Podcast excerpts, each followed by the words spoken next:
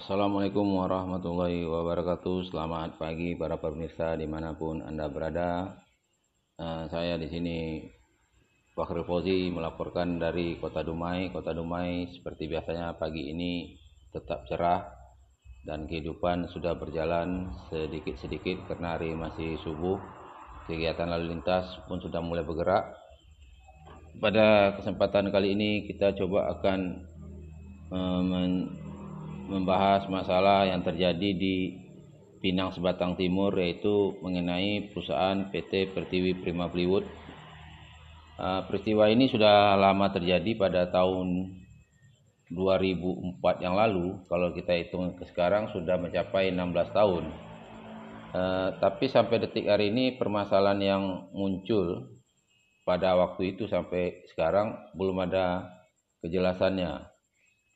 Eh, perusahaan ini adalah sebuah perusahaan yang bergerak dalam bidang industri kayu, yaitu uh, kayu lapis atau yang dikenal dengan plywood. Kalau di masa masyarakat sehari-hari menyebut dengan triplek, sehingga uh, karena sekarang bahan bakunya tidak ada lagi, maka perusahaan terpaksa di, ditutup. Dan ini terjadi bukan hanya di Pertiwi aja, uh, sepanjang Sungai Siak itu ada lebih kurang 10 lah perusahaan kayu lapis dan sekarang semuanya tidak beroperasi lagi karena tidak adanya ketersediaan bahan baku. Cuma dari sekian banyak perusahaan itu ada satu perusahaan yaitu ya Pertiwi Pertiwi Prima Plywood ini uh, di mana hak-hak daripada karyawannya sampai detik hari ini belum di, dilunasi oleh pihak manajemen. Ini tentu merugikan daripada pihak karyawan yang lebih kurang 750 orang lah yang tersisa waktu itu. Sampai detik hari ini nasib mereka tidak tidak menentu. Tidak menentu arti kata mereka uh, sudah berada di daerah-daerah yang lain sesuai dengan kehidupan mereka.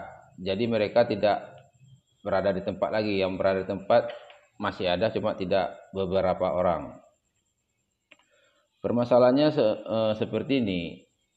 Perusahaan waktu itu dia tidak mau oh, melakukan PHK tetapi tidak mengeluarkan hak-hak karyawannya. Sementara karyawan sudah berulang kali melakukan negosiasi usaha untuk mendapatkan pesangon tapi sampai detik hari ini belum ada juga kejelasan daripada pihak manajemen. Jadi kasus-kasus seperti ini mungkin banyak terjadi di, di daerah lain mungkin juga ada, cuma tidak terpantau ataupun tidak dipublikasikan oleh media sehingga uh, hal, hal seperti ini hilang gitu saja di dalam peredaran. Seharusnya di sini pihak-pihak terkait yang terutama pihak Disnaker itu harus memperhatikan bahwa hak karyawan itu tidak boleh uh, hilang atau dihilangkan gitu. Karena mereka telah bekerja sekian lama, ada yang kerjanya itu udah 10 tahun, ada yang 20 tahun. Tetapi mereka uh, tidak dapat hak-hak mereka. Ini yang menjadi uh, apa perhatian bagi kita semua, terutama bagi teman-teman lah, kawan-kawan atau rekan-rekan atau saudara-saudara yang pernah di sana untuk selalu tetap uh, koordinasi satu sama lain bagaimana nasib daripada uh, kita sendiri tentang uh, memperjuangkan hak-hak kita itu. Memang kalau kita lihat kesalahan ini kesalahan siapa sebenarnya gitu. Apakah pihak aparat tidak tegas, apakah pihak manajemen tidak bertanggung jawab, apakah pihak buruhnya terlalu radikal. Nah, ini yang perlu kita diskusikan bersama. Kalau kita lihat dari kejadiannya itu, saya rasa pihak buruh dia tuh sudah cukup mau menerima keadaan waktu itu, eh, menerima apa adanya sesuai dengan peraturan yang ada. Cuma pihak manajemen yang lari-lari gitu. Arti dari kata dia bagaimana berusaha untuk tidak mau menyelesaikan masalah ini dengan secara baik dan sesuai dengan undang-undang atau peraturan yang berlaku di Indonesia.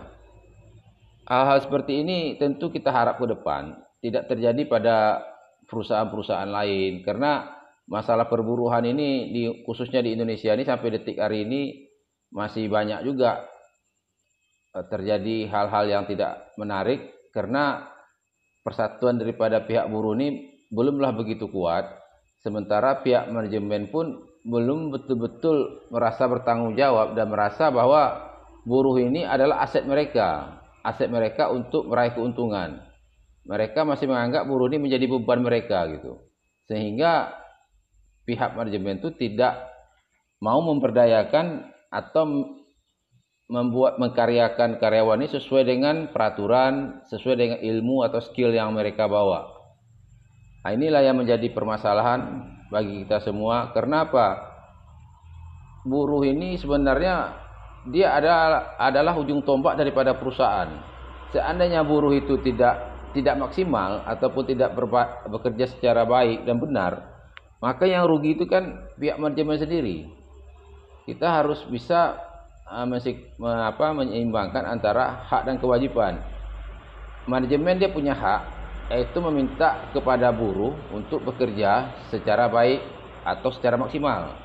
Begitu juga dia mempunyai kewajiban untuk memberikan uh, imbalan yang layak, yang setimpal, yang sesuai dengan yang telah diberikan oleh buruh tadi, maka pihak manajemen berhak untuk mendapat uh, imbal keuntuk apa pihak manajemen juga harus da dapat keuntungan dengan tenaga yang diberikan oleh buruh tadi. Begitu juga dengan buruh, buruh itu dia mempunyai tanggung jawab untuk bekerja secara baik dan maksimal dan dia juga mempunyai hak, hak dia itu mendapat gaji uh, serta fasilitas yang layak oleh perusahaan. Sampai detik hari ini kita lihat hal-hal ini masih jauh dari harapan kita bersama. Kalau kita lihat eh, negara-negara yang telah maju serikat pekerjaan seperti di Eropa, di Jepang, di Korea itu kesejahteraan buruhnya itu boleh dikatakan udah di atas standar.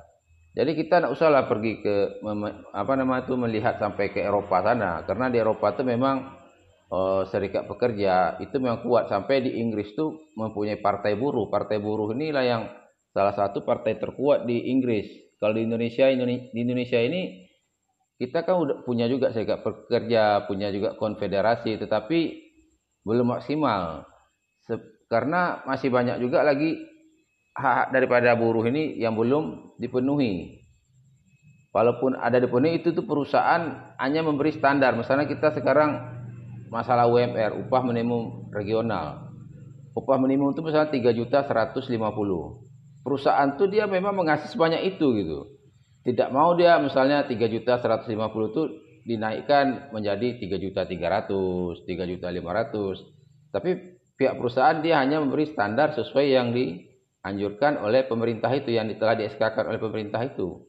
Kalau kita lihat di negara-negara lain misalnya negara itu kasih 3 juta 150 mungkin perusahaannya udah kasih 4 juta udah kasih 5 juta jadi produksi serta hasil daripada produk mereka itu betul-betul mempunyai daya saing dan bisa dipertanggungjawabkan dan bisa untuk meningkatkan income pertama bagi perusahaan itu sendiri yang kedua bagi negara mereka.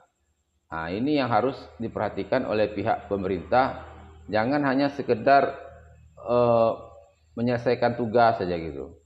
Harus ada juga tanggung jawab dari moral dari pihak pihak pemerintah. Bagaimana hubungan daripada karyawan dengan manajemen ini berjalan dengan baik dan benar.